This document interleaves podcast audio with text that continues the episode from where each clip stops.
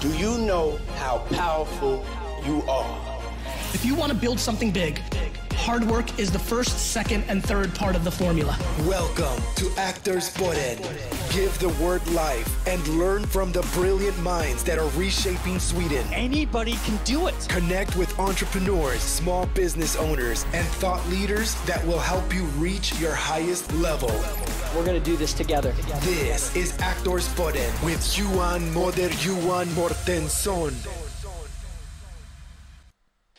Sådär, nu är vi live. Hej Sverige! Jag heter Johan Mod Johan Mårtsson, det här är Aktörspodden och vi har inte med oss vem som helst utan vi har med oss en fantastisk kvinna vid namn Karin Capo Milding. Jag håller på att säga fel ibland Karin, men du har ju gift dig liksom. Men det är från CEO på Dear Change och alla som har varit skarpa vet att Karin har varit med tidigare. Eh, och så vi är otroligt glada och nöjda att få tillbaka dig. Varmt välkommen Karin!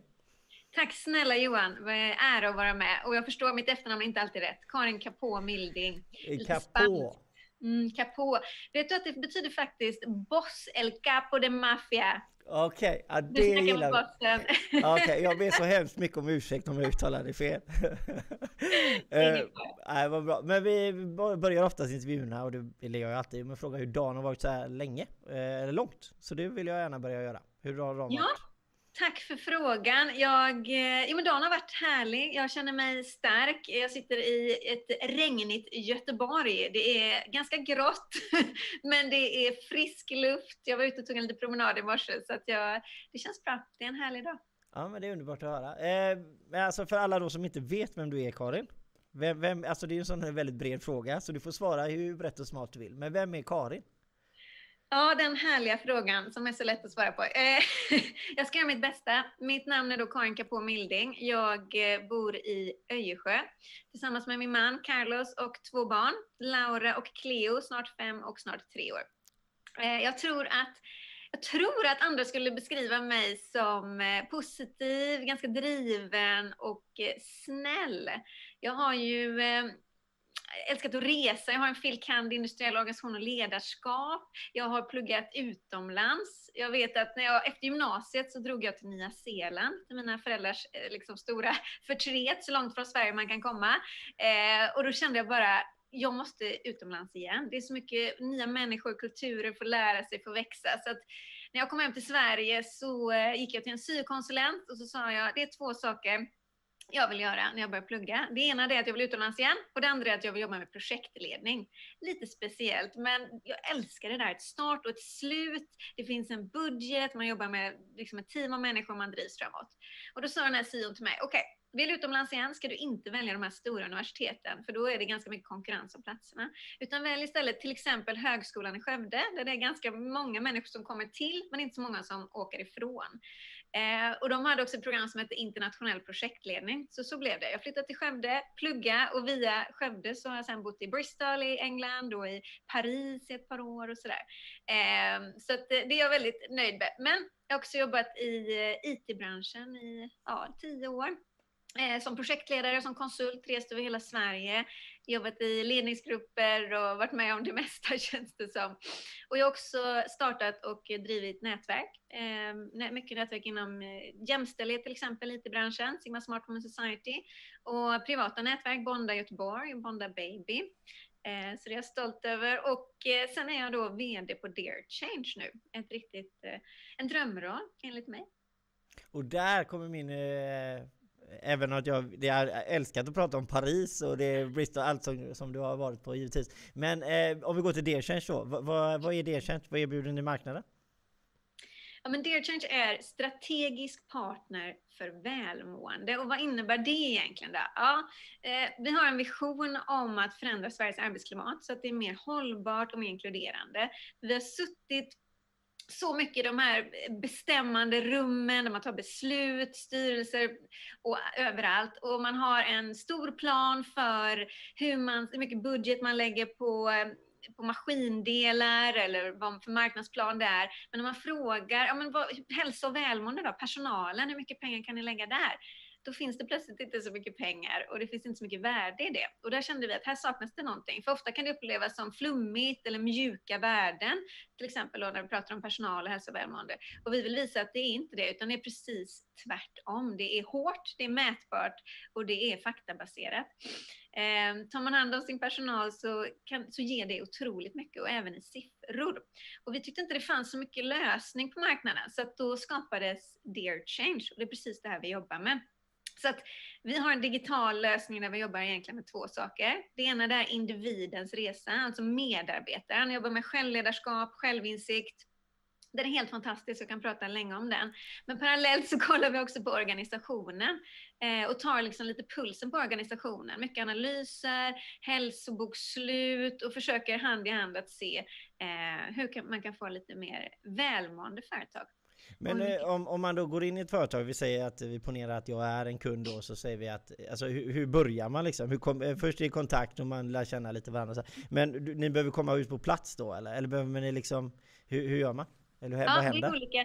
Från början så jobbade vi på plats, precis som du säger, och sen kom ju eh, eh covid-19 eller corona och då fick vi digitalisera allt. Eh, och det, det blev ändå det blev väldigt bra, så vi har byggt upp en digital plattform som man gör det här. Så att man loggar in, som sagt finns det två vägar. Du loggar först in då som medarbetaren. Vi har alltid en kick-off. Nu gör vi ofta det digitalt, så vi kör en kick-off som Dear Change. Vi blir alltså strategisk partner för välmående. Och sen så loggar man in som medarbetare och så gör man en välmåendeundersökning. Och man är ju olika som människor. Du och jag kan vara olika på olika sätt. Johan, du kanske är grym på att träna, jag behöver träna lite mer, eller vice versa. Så man får göra en välmåendeundersökning så ser man ungefär vart man ligger. Och sen får man ett personligt unikt program som är bara för dig. Och då ska man gå igenom detta varje vecka. Och det kan vara, ja, träning är en sak, fysisk aktivitet. Men lika viktigt är det ju med stresskompetens. Hur står man starkt när det blåser? Livet händer. Men också personlig utveckling. Vad driver mig? Vad tycker jag om att göra? Att man ställer sig de här frågorna.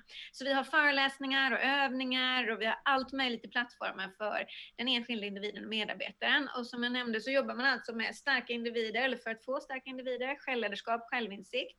Men parallellt kollar vi på organisationen. Och där kan då chefer, ledningsgrupp logga in, kolla på olika analyser vi gör. Eh, vi kollar på allt från avdelning, man kan, man kan se ganska mycket. Allting är anonymt ska jag säga också när du gör de här undersökningarna. Eh, så därför kan vi inte jobba med företag som är mindre än fem personer, för då blir det ganska tydligt vem som gör vem. Men mer än fem personer uppåt går bra. Och vi jobbar bara forskningsbaserat eh, och jobbar med ämnesexperter inom de här områdena. Så allting är väldigt, ja men lite hårda värden om vi går in på det. Så som företag får du ganska tydligt i siffror, diagram och allting hur det ser ut. Och inte bara det, man kan ta fram ganska mycket siffror, det finns många företag som gör det. Men också få en plan framåt, både kortsiktigt, långsiktigt och strategiskt. Jag kan ta ett exempel, vi hade en kund som vi kunde se ganska tydligt att 70 procent av deras projektledare var antingen på väg in i väggen eller i väggen. De hade hjärtklappning, svårt att sova, du vet sådana mönster. Och då kan man se 70 procent, då är det inte ett individproblem, utan då är det faktiskt någonting större. Du kan också se att det var eh, prestationsbaserad stress, vilket innebär att du kan inte bara ta bort allting ifrån dem, utan då får man ju jobba på ett annat sätt. Så då försöker vi eh, tillsammans då med varje företag, så vi vi skräddarsyr inte, det finns inte en quick fix lösning tyvärr, utan vi skräddarsyr med varje företag så att man kan jobba långsiktigt och framåt. Um, mm. men det låter faktiskt helt fantastiskt. Men så man kan säga att grundkonceptet är välmående och sen eh, om man liksom verkligen sätter zoom på det, då är det liksom personlighetsutveckling, Mm. träning, kanske kost eller liksom mm. och vad tycker man är roligt? Ja precis, ja, lite, om, lite om allting runt eh, hur vad individen är på jobbet, vad individen mm. vill på jobbet kanske. Är det hemmagrejer också eller om man, eh, är det alltså vad? Ja men det är en bra fråga, det är mycket så vi, vi, vi pratar mycket om det. Man har ju ett liv, så som du mår i privatlivet kan påverka ditt arbetsliv och så vidare. Jag läste en rapport här innan jul och man kollat på nio stora företag i Sverige på olika medarbetare som skiljer sig. Eh, och när man skiljer sig, det är såklart ett trauma, både separation och skilsmässa. Och då kunde man se tydligt att de medarbetarna som gick till jobbet inte tog några sjukdagar eh, eller egentligen någon hjälp. De hade en minskad effektivitet eller produktivitet på nästan 20 procent. Och då kan man tänka, okej, okay, men så är livet. Men när man omvärderar det i pengar så handlar det nästan om en halv miljon kronor i bortfall. Och det som är intressant att man kunde se på de företagen i de här nio bolagen som faktiskt gjorde aktiva insatser. Att till exempel ha samtalsterapi eller liknande för de som genomgick till exempel en skilsmässa. Eh, de hade noll bortfall eh, eller minskad produktivitet. Noll. Så att det handlar om pengar och också gladare individer. Eh, som jo, men okej, okay, men precis. Alltså, ni, ni vill ge företagen eller Företagssverige ett, ett verktyg mm. egentligen som är bra för personalen men även är bra för ledningen. Liksom. Att det är bra för, för alla inblandade.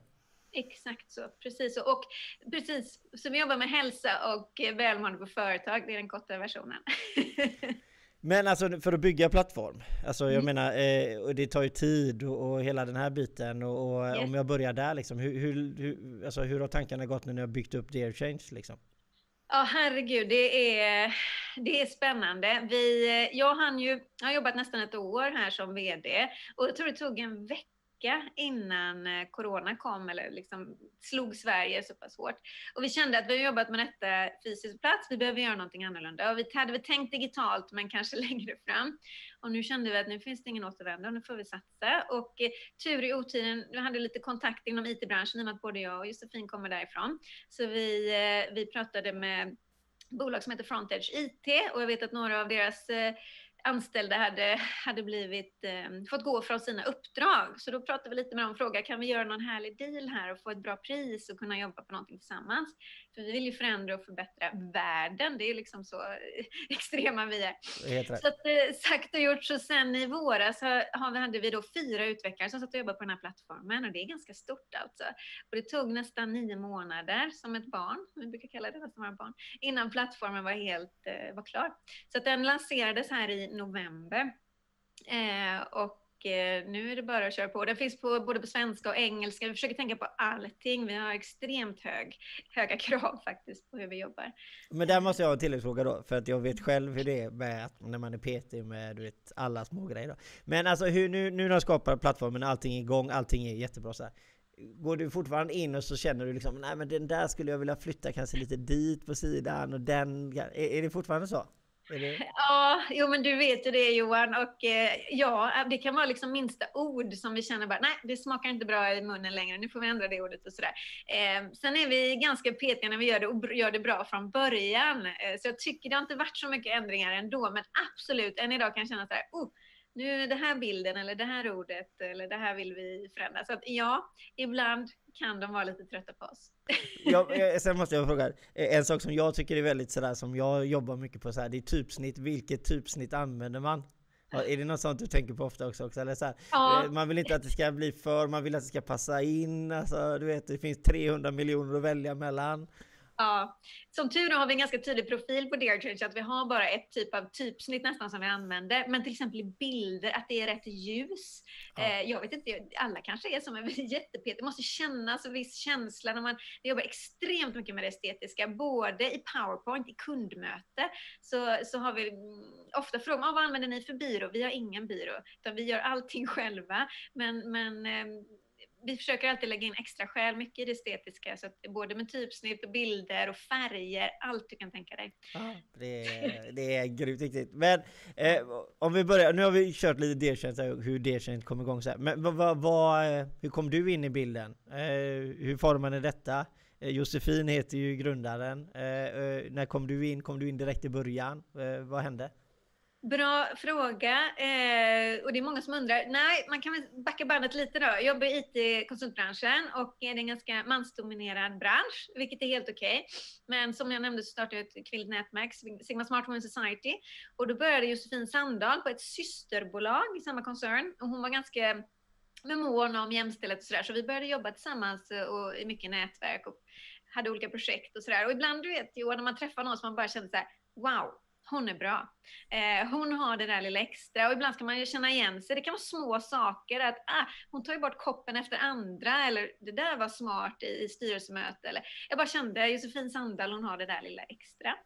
Eh, så att eh, vi höll kontakten, som sagt hade olika projekt och sen gick jag på föräldraledighet. Jag har ju två barn som sagt, så att eh, mitt sista barn gick jag på föräldraledighet med. Och eh, då eh, plötsligt så, eh, eh, ja men vi har jobbat mycket för gemenskap, för kultur, eh, det spelar ingen roll vilket uppdrag jag har haft, det har alltid varit liksom min, min största vision, att man ska trivas på jobbet och sådär. Och Josefin kände samma sak och eh, efter ett tag där så sa hon upp alla sina åtaganden och började en hashtag, hashtag it's time for a game change, som handlar mycket om det här med att förändra företagskultur, arbetsklimat och göra, ja men försöka liksom, ibland får man ställa sig frågan, vill vi att våra barn växer upp i detta? Eh, jag har sett människor som svimmar omkring mig och som har blivit väldigt pressade och det, det, det, det, kan vara tufft ibland. Så hon gick ut och föreläste och pratade mycket om det här, hur förändrar vi? Och jag kände, det här gillar jag, hon gör någonting väldigt bra. Så att utan egentligen av att, att, att, veta så hängde jag på och hjälpte henne. Hon behövde någon i dörren där på föreläsningen på Draken eller hon åkte upp till Stockholm och ibland hade jag med Cleo då på magen och bara som en rolig grej att stötta och hjälpa. Men jag hade nog ingen tanke att börja jobba på Dear Change, utan det var mer att stötta en, en stark liksom, person och vän som jag tycker gör någonting bra.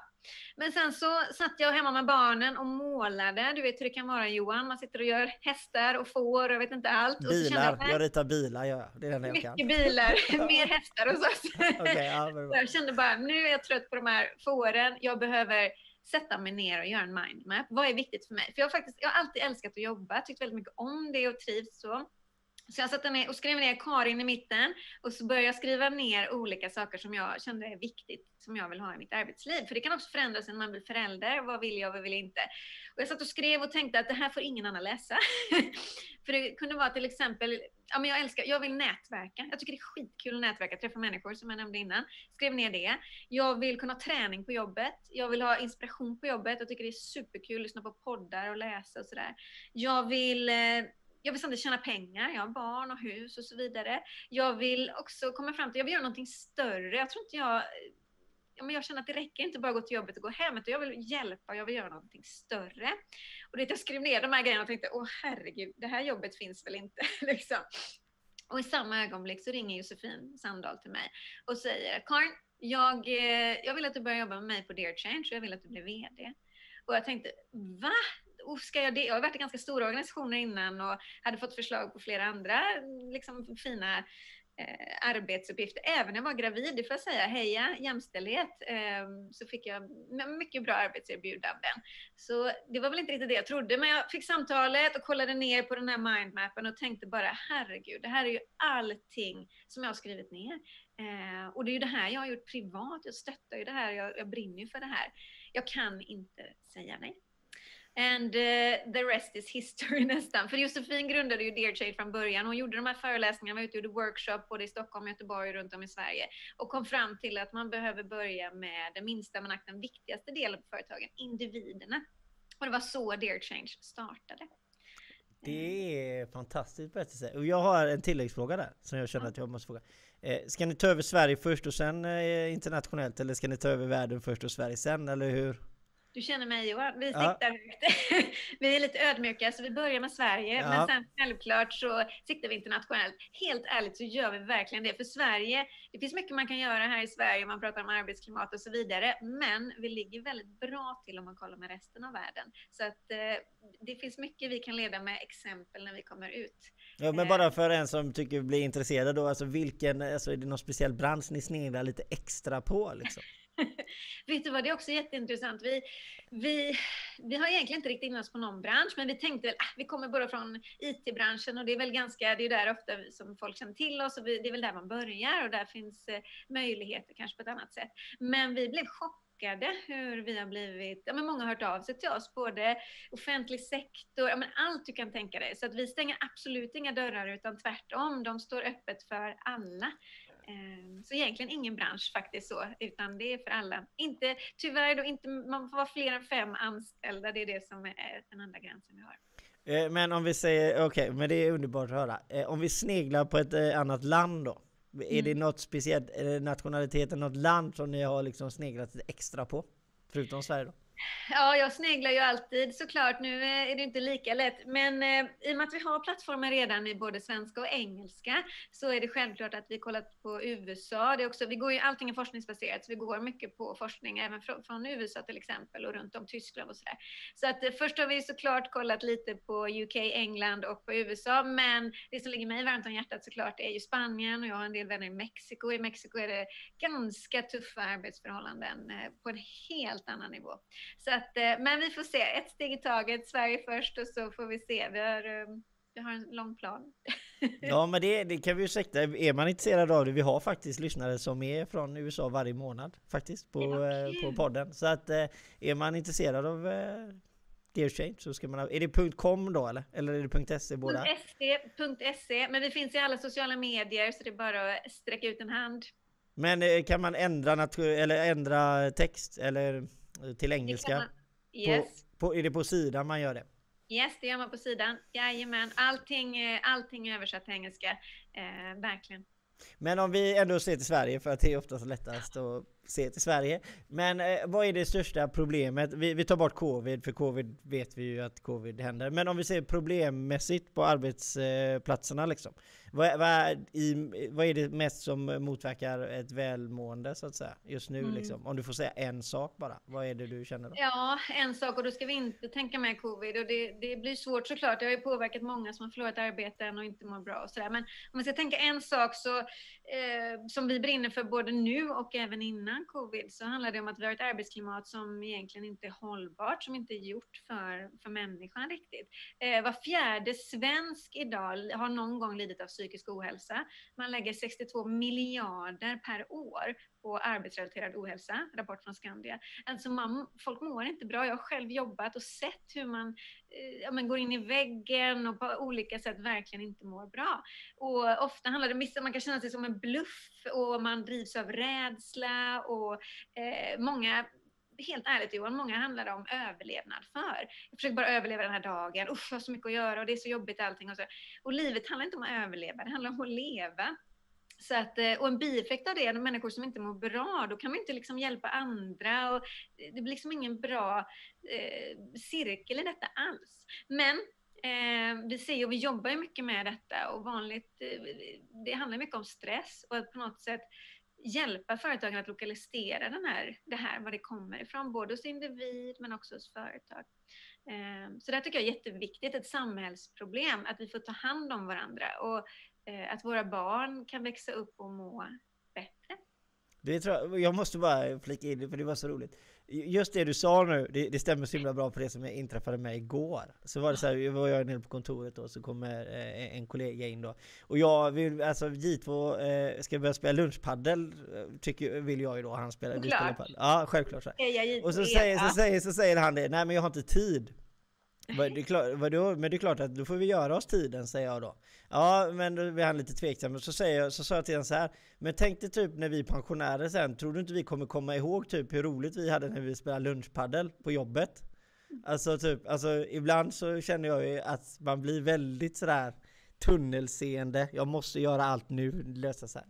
Så att, ja, jag, jag, fick faktiskt en bra känsla faktiskt av det jag du sa. Jag älskar det Johan, du är en förebild i detta, på riktigt. För det är så lätt, och jag vet själv, jobba kan man, man sitter och jobbar och jobbar och jobbar. Men det gäller att försöka lyfta blicken i det. För stress är egentligen inte farligt, men det är ju eh, bristen på återhämtning som är farligt. Ja precis, och det, ja, precis, det är ingenting som jag har tänkt på, men det är absolut, det känns faktiskt väldigt bra när du säger det. Eh, vi ska gå vidare lite. Eh, Eh, större företag. Mm.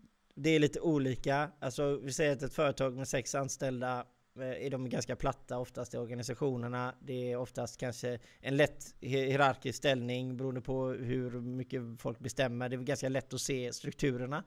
Hur gör man då på större företag när det är liksom miniboss på miniboss till avdelningschef till eh, syd eh, eller vad heter det, eh, olika chefer i Sverige och så huvudchef liksom. Alltså, vad är det ni ska komma in i, i det liksom? Börjar man längst upp och jobbar ner liksom? Är det, det, är det så man måste börja eller? Ja, det är faktiskt så det är, uppifrån och ner och att man måste ta det på allvar på riktigt. Så ofta, vi pratar ofta med VD, HR-chefer och framförallt ledningsgrupp och verkligen pränta in det här att det ska vara lika självklart att arbeta med strategiskt välmående som att göra en marknadsplan, precis som jag nämnde tidigare. Och att man verkligen, verkligen förstår vitsen med detta. Så att eh, vi har ju helt klart olika möten. Ofta börjar vi med ledningsgrupp och där pratar man ju på ett helt annat sätt. Där, där är det liksom siffror som vi får visa tydligt svart på vitt. Men när vi pratar om medarbetarna så är det ju någonting helt annat. Men det måste börja uppifrån och ner. Eh, och så är det, tycker jag, med, med det mesta av ledarskapen. jo, men så är det. Ja, precis. Men du pratade lite om kultur där. Att, att bygga ja. lite ett... Det, det är det jag ant, äh, tog av det, bygga en kulturellt välmående på företaget. Och det måste det. börja upp, uppifrån. Liksom. Ja, och att man också ser vinsten med det helt ärligt och ser siffror i det. Ofta så betalar du för 100% av en medarbetare. Om du är ut lön så är det ofta jag vill ha 100% av dig. Och där ser man också på olika rapporter, Gallup till exempel visar just det här med engagemang hos medarbetaren. 14% är engagerade på arbetsplatsen idag. 14% är ingenting. Majoriteten visar att nej, de är inte så engagerade. Man går till jobbet så är det inte mer med det. Och de sista procenterna, de till och med motarbetar arbetsplatsen. Tänk om du kan öka det engagemanget Eh, och bara säg att du betalar, du betalar för 100 procent av personen och du får ut 80 procent. Det är fruktansvärt mycket pengar alltså, som det handlar om. Men för där ser jag ju det som en företagare då, det, det, det är så om man bara ser så här, du tänker så här, om jag betalar, vi säger, vi säger 100 000 nu bara för att det är lätt att ta, jag betalar 100 000 nu liksom. Mm. Ja, och jag betalar 100 000, men om jag ska ta in någon till så kommer jag få betala 30 000 till, 20 000 till. Då ser man kostnaden istället för att se tillväxtmöjligheter. Exakt, det är precis det här Johan, och, det, och jag förstår det, jag fattar, det är så det är. Och det här vi visar ganska tydligt, vad kostar det med, med personalomsättning, att anställa fel person på fel plats till exempel, eller med sjukfrånvaro, eller fel chef på fel plats. Och det behöver inte vara att det är fel på chefen, utan bara att det kanske, man, man kanske behöver en annan typ av stöttning. Vi pratar i stora bolag, det handlar om miljontals kronor alltså. Så att man ser lite längre än näsan räcker. Och det, det är faktiskt som du var inne på innan med paddel. Jag vet ju själv, man har jobbat, jobba kan, det, det kan hemma. det kan jag. Jag har jobbat som konsult, varenda timme, minut räknas som man lägger och jag har älskat det. Men däremot de här små andra grejerna, så som vi jobbar på Dear Change, det är en fördel kan jag säga. Vi jobbar med välmående, då får vi leva som vi lär. Så vi har träning på jobbet. Eh, vi har minst 20 minuter varje dag. Vi är mycket ute och promenerar som du vet. Vi jobbar med inspiration, kreativitet. Kreativitet så kan låta ganska flummigt också. Vi har till exempel att man sitter och vi lär oss att måla realistiska ögon, tutorials på Youtube. Vi tar liksom några minuter och gör detta. Och jag kan lova dig att några av de största idéerna som har kommit fram, det är efter de här kreativa övningarna. För det bildas nya hjärnbanor, forskning visar det också. Nya hjärnbanor bildas när du tänker kreativt och försöker tänka outside the box lite. Så att man tänker, ah, jag har inte tid med de där 5-10 minuterna att göra något kreativt, eller vad det nu är. Men jag lovar dig, tänk lite längre än näsan räcker. Det är det som gör allt det andra. De absolut största grejerna som vi har gjort, till exempel den här digitala plattformen, kom efter en kreativ övning. Så man får våga. Grymt. Eh, vi ska hoppa över på någonting. Så ni gjorde filminspelningar med paneler 2019 tror jag det var. Eh, där ni satt och diskuterade de här frågorna. Jag tittade givetvis. Eh, det var du Josefin och så var det en gentleman som jag inte kommer på namnet ja, på. Ja, Kaki, yes. Och, och, så var det... Var, eh, Sara Hage. Sara var med också, ja. Jajamän. Vad, kommer vi få se någon tillbakablick där? Eller är, ni, är det färdigt? Eller kommer ni fortsätta köra lite sån här paneltid längre ja. fram? Vi får se, jag kan säga så här, vår största kanal just nu är LinkedIn och det är där vi lägger ut det mesta. Sen så eh, lever fortfarande Youtube, eh, vår Youtube-kanal. Senast nu i måndags la vi ut, vi gjorde en mukbang. Vet du vad det är Johan? Mukbang. Nej, men ja, jag såg, det var någon japansk där, eh, ja. jag läste, men jag glömde av. Jag, så, jag såg den, jag såg den. Ja. Sydkoreansk för att vara exakt. Mukbang, det är ju, vi försöker ju göra saker lite annorlunda. Vi är väldigt business, det är viktigt när vi är inne i de rummen, men också vara lite annorlunda. Så att mukbang är en ganska stor grej i influencervärlden. Kommer från Sydkorea från början och handlar helt enkelt om muk, äta, bang, sändning. Så man filmar när man äter. Eh, och vi gjorde det och svarade på olika frågor. Vi har ofta mycket frågor till oss. Så att vi, vi svarar på frågor och äter och så stöttar vi en, vår lokala restaurang här i Partille. Så att det var lite halv, tänkte vi testa det. Man får testa lite olika saker. Så delar vi ut på Youtube-kanalen. Men vi får se om det blir paneler längre fram. Jag älskar ju samtalet och att växa tillsammans med människor. Och det var, det var väldigt viktiga samtal som vi hade uppe. Men fokus just är eh, mest mot LinkedIn och, de, eh, och direkt därifrån. Det är underbart att jag lyckas liksom, eh, eh vad heter det, eh, kritisera, eller kritisera, säga, men slänga japaner och sydkoreaner under bussen i en mening där. Jag ber så mycket om ursäkt, det var inte meningen. Jag eh, tog lite fel här. Eh, men i alla fall. Eh, jo men precis, ni jobbar lite mycket på video och sånt. Eh, men på LinkedIn då, hur, hur jobbar man i att eh, nå ut där känner ni? Är det, är det bilder, är det texter, är det privata konversationer med människor? Alltså mm. vad, vad, är det som ni känner det funkar för er där? Mm. Vet du vad, det här tänker jag mycket på, eller vi tänker mycket på det. Eh, LinkedIn är vår största kanal, vi är också på Instagram, Facebook och runt om. Men jag brukar säga att det är egentligen två ledord för oss och det ena det är ärlighet och det andra är innehåll. Att det vi lägger ut ska vara innehåll för den som tittar. Det är inte bara att lägga ut en matbild, det får man gärna göra om man vill, men att man kanske kan liksom skriva någonting som man får med sig det. Det kan vara både inspiration men att man känner aha, det här är, det här är någonting mer. Eh, och att det är ärligt från hjärtat. Vi hade till exempel nu där när corona började så så gjorde vi ett nätverk som heter Sverige snurrar för att få lite mer eh, affärer att rulla och så vidare. Och det första vi märkte var att det var väldigt negativt på LinkedIn. Allting vi såg, oh det är så hemskt, det är så jobbigt, allting är dåligt. Och, vi, och det var ju så såklart. Men vad kan man göra för att lyfta det som faktiskt fungerar? Så det började vi med att göra, att lyfta. Jag vet, jag läste en artikel, det måste ju varit eh, om det var Scania som hjälpte Getinge med, med, and, med såna här, um, andningsapparater. Det var någon sån grej. Så skrev jag bara, kolla här vad kul, eller vad bra. Och du vet, den fick 100 000 views bara på någon timme. Det var, det var liksom som att folk bara hade väntat på att oh, det händer ju bra saker och då inspireras man av det. Kan de hjälpa? Hur kan jag hjälpa? Eh, så att det blir någonting bra i detta. Och samtidigt så just med att vara ärlig, jag vet när vi lanserade den här plattformen som jag nämnde där i, i november så mitt i lansering där, jättestort. Vi är så stolta, det känns häftigt. Och eh, jag står hemma med, med Cleo, min yngsta. Hon är på mina axlar, jag står och steker köttbullar. Och min äldsta dotter Laura, hon tar en bild på mig. Och jag skrattar så det är underifrån med, med en unge här och står och steker köttbullar. Så jag la ut den bilden och tänkte bara, det här är också, för jag är både mamma och VD alltid. Det är inte så att klockan en viss tid så stänger jag av och blir bara mamma, utan jag är detta hela tiden. Så jag bara gjorde något litet inlägg om att så här kan det se ut eh, och jag är alltid mamma och VD. Den fick 30 000 views bara sådär. Så det är liksom försöka att vara ärlig och nå ut i det. Sen har vi haft mycket sådana halv tio. Det var också i coronatider så kände vi att vi behövde, eh, ja men vissa säger att, det kan, att de ser oss lite som ett ljus. Jag vet inte om det är så, men att man på något sätt kan, inte bara inspirera, det handlar inte om det, men att visa, visa någonting annat. Så vi brukar ofta ha med oss då någonting och, och basera på forskning eller att man lär sig någonting och känna att ah, nu vill jag gå walk and talks eller nu vill jag det här eller så.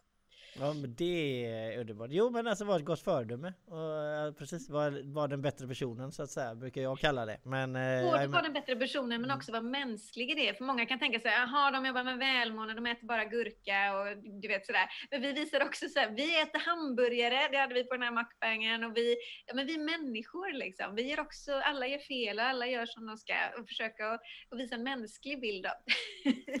Men eh, nu blir du då välmående där så du måste jag fråga, alltså hur många timmar blir det generellt på en vecka? Arbetstid? Mm. Arbetstid?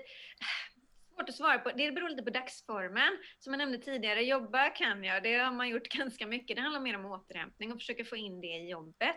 Ehm, och göra det på ett smart sätt. Jag och Josefin har ju alltid våra avstämningsmöten i walk and talk och gör det ute. Eh, vi har alltid att försöka få in det där extra. Så att, eh, svårt att säga, men att styra den tiden. Jag har ju väldigt mycket stöttning hemifrån. Det har ju verkligen hjälpt. Jag har en fantastisk man och alla runt omkring. Men jag vill säga att jag är en väldigt närvarande mamma och en bra VD. Jag eh, slutar klockan tre varje dag oftast och hämtar barnen. Men med det sagt, om det är så på kvällen att det händer någonting eller att man, det finns ju alltid saker att göra. Du Johan om någon vet ju att det finns ju alltid saker som händer. Jag försöker vara med barnen så mycket som möjligt och sen är det så att jag behöver gå bort en stund eh, och jobba, då gör jag det. Så man får liksom vara lite smart och planera. Projektledning återigen, när det kommer tillbaka. Ehm, så att jag, jag, det är svårt att se, jag är ju alltid VD och alltid en mamma på något sätt i det. Men jag har också valt detta livet aktivt för att jag vill vara med mina barn. Så att, ehm, och jag kan ju styra ganska mycket själv, det är ju en fördel. Eh, Sebastian frågar en fråga, vilken typ mm. av träning blir det på jobbet? Är det klassiskt gym eller är det gå mixat eller vad är det? Du, jag älskar den frågan. Det var underbart. Det beror på, vi anpassar lite. Eh, vi har ju då i plattformen så har vi en fantastisk träningsexpert, Jessica Ahlberg, så att ibland, just nu när det är sånt här ganska trist väder så tränar vi en hel del innan, mycket, mycket digitalt. Och jag älskar, vi kallar det rörelseglädje, så det kan vara allt från styrka, eh, styrk, vanliga styrkepass hemma till att röra sig. För det kunde jag känna, speciellt när man har fött på två barn och sådär, att uh, kan jag liksom, hur långt bak kommer jag här egentligen och sådär. Så mycket sånt jobbar vi med på somrarna har varit ute och sprungit och jag är ingen springtjej, jag lovar dig. Eh, men varit ute och sprungit och, och gjort sånt. Sen så varje, varje vecka så har vi ett träningspass tillsammans med vår träningsexpert Jessica eh, som vi tränar ute. Så att utomhusträning. Och jag lovar dig, jag är inte alls en träningstjej, men alltså helt plötsligt står jag mot ett träd, fötterna upp och händerna ner och gör armhävningar. Jag vet inte vad som har hänt. Men det är skitkul. Så mycket utomhusträning eller digitalt inne. Vad vi känner för. Det låter helt underbart. Eh, är du nöjd med 2020? Jag är nöjd och stolt med 2020. Det har varit ett speciellt år, det kan vi nog alla intyga. Eh, jag får, om jag kollar på Dear Change då, så tycker jag att vi har, vi har gjort någonting enormt. Att kunna ställa om så pass snabbt och göra någonting så pass stort på kort tid, det är jag väldigt eh, stolt över. Ehm, men sen har man ju mött mycket människor i detta. Vi möter mycket människor som inte alltid mår bra och det är såklart ehm, en sorg. Men jag tycker det, det, ja, men det, det känns ändå väldigt bra. Jag är jättenöjd. Vad, vad känner du inför 2021? 2021 är jag positiv till. Man vet aldrig såklart hur det blir, man får ta det som det kommer. Men eh, vi har egentligen två stycken fokusområden eh, för 2021 och det ena det är faktiskt att förtydliga ännu mer vad vi jobbar med. Lite som eh, ja, men i början när man pratar, det är, man vill ofta ha en hisspitch. Du vet, på 30 ja. sekunder så ska du kunna förklara vad du gör. Eh, men det är inte alltid så lätt, för det är ganska komplext med hälsa och välmående. Så det kommer vi jobba jättemycket med. För även om vi har i strategisk partner för välmående, vi sätter ribban för framtidens friskvård, vi har allt sånt där, så det är inte alltid att, ja men okej, vad gör ni då? Ja, men vi har en digital plattform och du vet så. Så det här kommer vi jobba mycket med att förtydliga ännu mer vad vi gör och vi försöker göra det. Vi skriver ofta, mycket frågor som kommer till oss brukar vi skriva svar på och lägga ut på plattform, olika plattformar så att man medvetandegör hälsa och välmående inom företag. Och, sådär. och den andra grejen det är eh, kundfokus. Nu släpper vi ut våra vingar verkligen och fokuserar på att nå ut till alla eh, företag egentligen. Eh, och verkligen eh, siktar på kundfokus. Och som sagt, vi gör det lite annorlunda. Vi har ju, det hade en annons här nu eh, i höstas var det väl, precis här, vi sökte säljpartners, vi jobbar ju ofta med det. Och eh, till exempel kunde det stå i annonsen, vi söker dig som eh, inte har skinn på näsan eller använder vassa armbågar. Utan vi vill liksom vara lite annorlunda i det. Det låter helt fantastiskt. Eh, men om vi nu ändå pratar om 2021 och vi pratar lite om 2020. Eh, alltså covid liksom, hur, alltså, det har påverkat er på det sättet att ni har behövt ställa om. Känner ni att, att det har försvunnit affärer eller känner ni att, liksom, att möjligheten till att göra affärer för er del fortfarande finns lika starkt? Både och. Eh, både och vi var ganska coronaanpassade eller covidanpassade innan. Vi hade ju som sagt de flesta walk and talks hade vi utomhus ändå och sådär. Men jag saknar det mänskliga mötet. Det blir väldigt, väldigt mycket digitalt.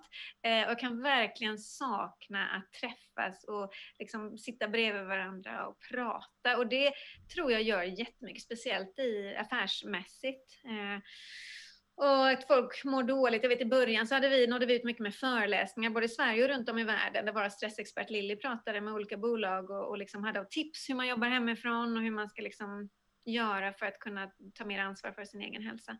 Eh, men eh, svårt att säga hur mycket det har påverkat. Ja, det är klart absolut att det påverkar eh, nätverk till exempel. Jag älskar ju nätverkarna som jag skrev på min mindmap och nu är det mesta digitalt. Det funkar men inte alls samma eh, jag tycker inte man blir, man blir, alltså man är alltid glad så här, helst visar på att man är glad och man får energi så här. Men när man träffas eh, face to face, det, det är, jag vet inte, man alstrar mer energi av motparten på något sätt.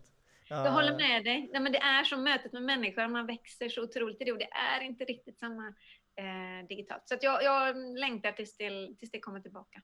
Men jag, jag får ändå säga att vi väldigt, eh, har varit förskonade i det sättet som vi arbetar och, och eh, som vi lever ändå. Mm. Eh, fem år då? Det är ju alltid svårt sådär, men om vi ska lyfta lite, vad, vad är Dear Change om fem år? Ja, bra fråga. Vi var inne lite på det innan. Sverige är, är början och vi siktar ju eh, högt och mycket internationellt eh, kommer det se ut som längre fram. Men att eh, vi försöker att ha fokus nu på att på något sätt få både små och stora företag att se vikten med välmående, se vikten med personalen och det tycker jag vi ser mycket. Framtidens företag inser hur viktigt det är och, eh, och ta ett grepp om detta. Och jag tror att det är något vi måste göra. Vi brukar ofta fråga sådär, hur säkerställer du välmående idag? Och då kan svaret vara, ja men vi använder friskvårdsbidraget till exempel. Och det är en passiv insats. Det har rapporter visat sedan många år tillbaka att de som tar friskvårdsbidraget, det är frisk, Eh, faktura. Det är inte risk, de som eh, är i riskgrupper, utan det är i friskgruppen. Och de, har du köpt då till exempel ett gymkort, ofta skulle du gå dit ändå, eller så går man inte ens dit. Alltså användandet av friskvårdsbidraget, det är jättelågt. Så att det är en passiv insats och vi tycker det är viktigt att man gör det aktivt, att på riktigt säkerställa välmående hos de anställda. För det är ingenting man kan lämna åt slumpen. Vad Kommer det bli mer resor då eller? För mig, för oss.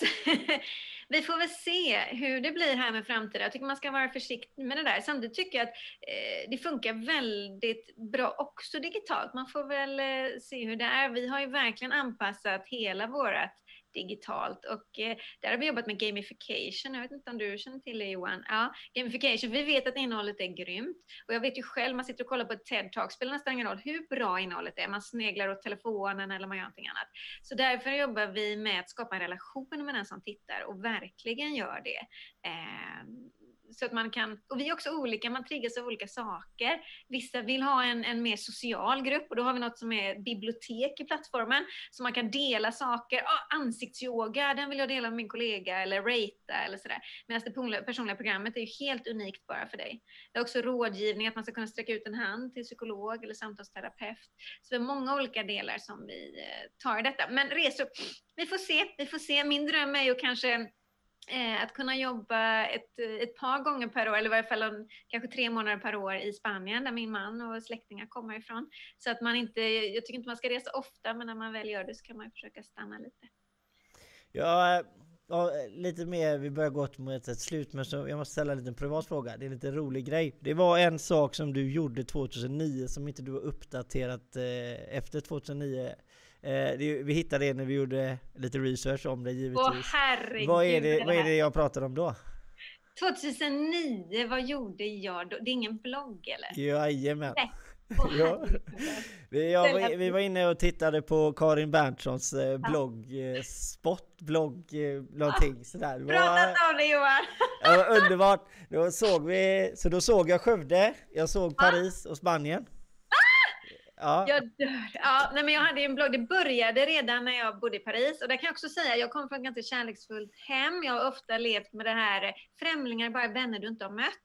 Och första veckan i Paris, i tunnelbanan i Paris, det, det, det är ganska konstiga människor där. Eh, och det kom fram en äldre man utan skor till mig och eh, pratade franska. Och jag kände, gud första veckan, försökte, gud vad, förlåt vad sa du? Man är lite trevlig så, ursäkta. Och sen så inser jag, aha, okej, okay, du vill våldta mig nu. Ja, nej, eh, inte idag tack, gärna en annan dag. Man slipas på detta och verkligen, eh, jag, har fått, eh, jag har fått se alla olika delar av livet. Man var ung då. Men eh, så sånt kunde jag till exempel delge i den här bloggen. Ja, det är fantastiskt. Jag säga, den finns ju fortfarande uppe så folk kan ju gå in och läsa Nej, den fortfarande. Gör den det? Ja. Jag visste inte detta. Jag jo. trodde den var borta. Nej, den är uppe fortfarande. Det är sånt som oh. Aktörspodden Research, vi hittar allt alla jag snuskiga hemligheter. Jag är helt Åh oh, herregud, jag får panik. Ja, Selavi tror jag han hette, det var tider. Ah, Johan Mårtensson, ja. jag, jag är imponerad om du har hittat det. Jag, jag, måste säga, det tror jag inte ens Josefin vet att jag hade en blogg faktiskt. Nej, det är bra. Eh, men eh, avslutningsvis så ordet är fritt. Take it away. Är det någonting du vill tillägga? Usch, ehm, det är ju inte, inte direkt så tror jag. Jag är jättenöjd. Jag tycker det är en ära att vara med här. Det är jätteviktigt att prata om hälsa och välmående och att företagen tar mer ansvar och att vi gör någonting för våra barn och för framtiden. Vi måste kunna må bättre ehm, och det finns mycket man kan göra.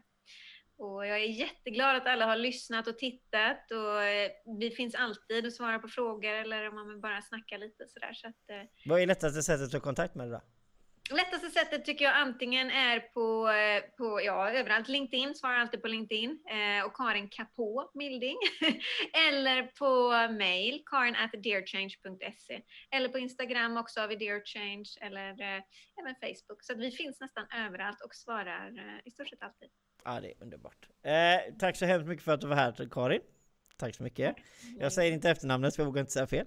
Eh, som sagt, eh, ni har lyssnat på Aktörspodden. Jag heter Johan Moro Johan Mårtsson och jag hoppas att ni får en fantastiskt fortsatt trevlig dag. För det har vi tänkt ha. Ha det bra nu!